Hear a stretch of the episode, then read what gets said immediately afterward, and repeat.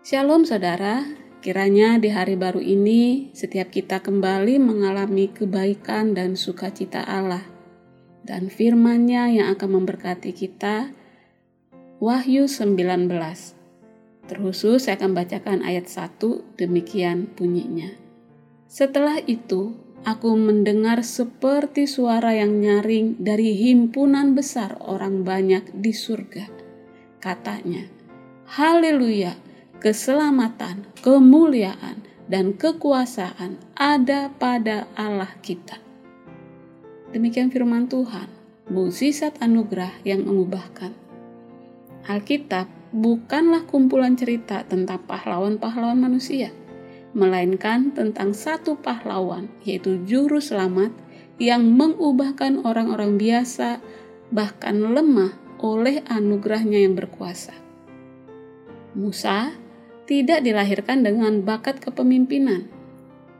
Ia memohon agar Tuhan mengutus orang lain ke Mesir. Namun oleh anugerah yang mengubahkan, tidak ada nabi lain di Israel yang menyamai Musa. Yosua ketakutan setengah mati sewaktu hendak melakukan panggilan Allah. Namun oleh kekuatan Allah, ia berhasil memimpin orang Israel memasuki tanah perjanjian. Gideon merasa Tuhan salah alamat. Dia tidak sungguh-sungguh bermaksud memanggil Gideon untuk memimpin Israel melawan Midian.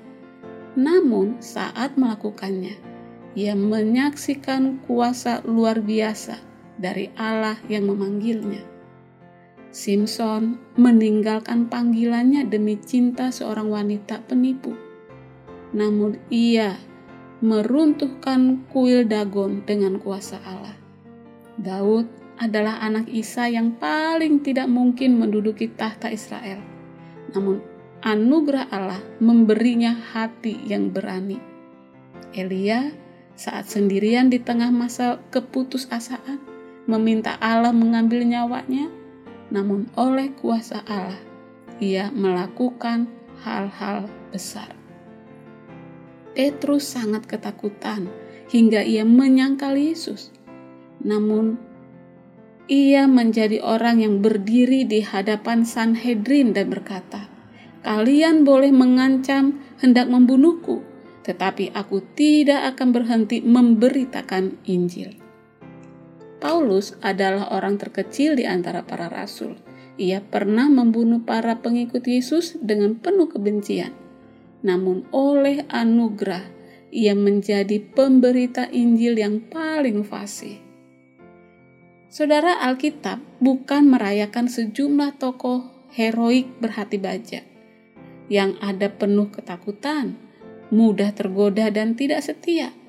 Mereka percaya kepada Allah tetapi juga meragukannya. Kadang mereka mengikuti cara Tuhan. Di lain waktu mereka pun mengikuti caranya sendiri.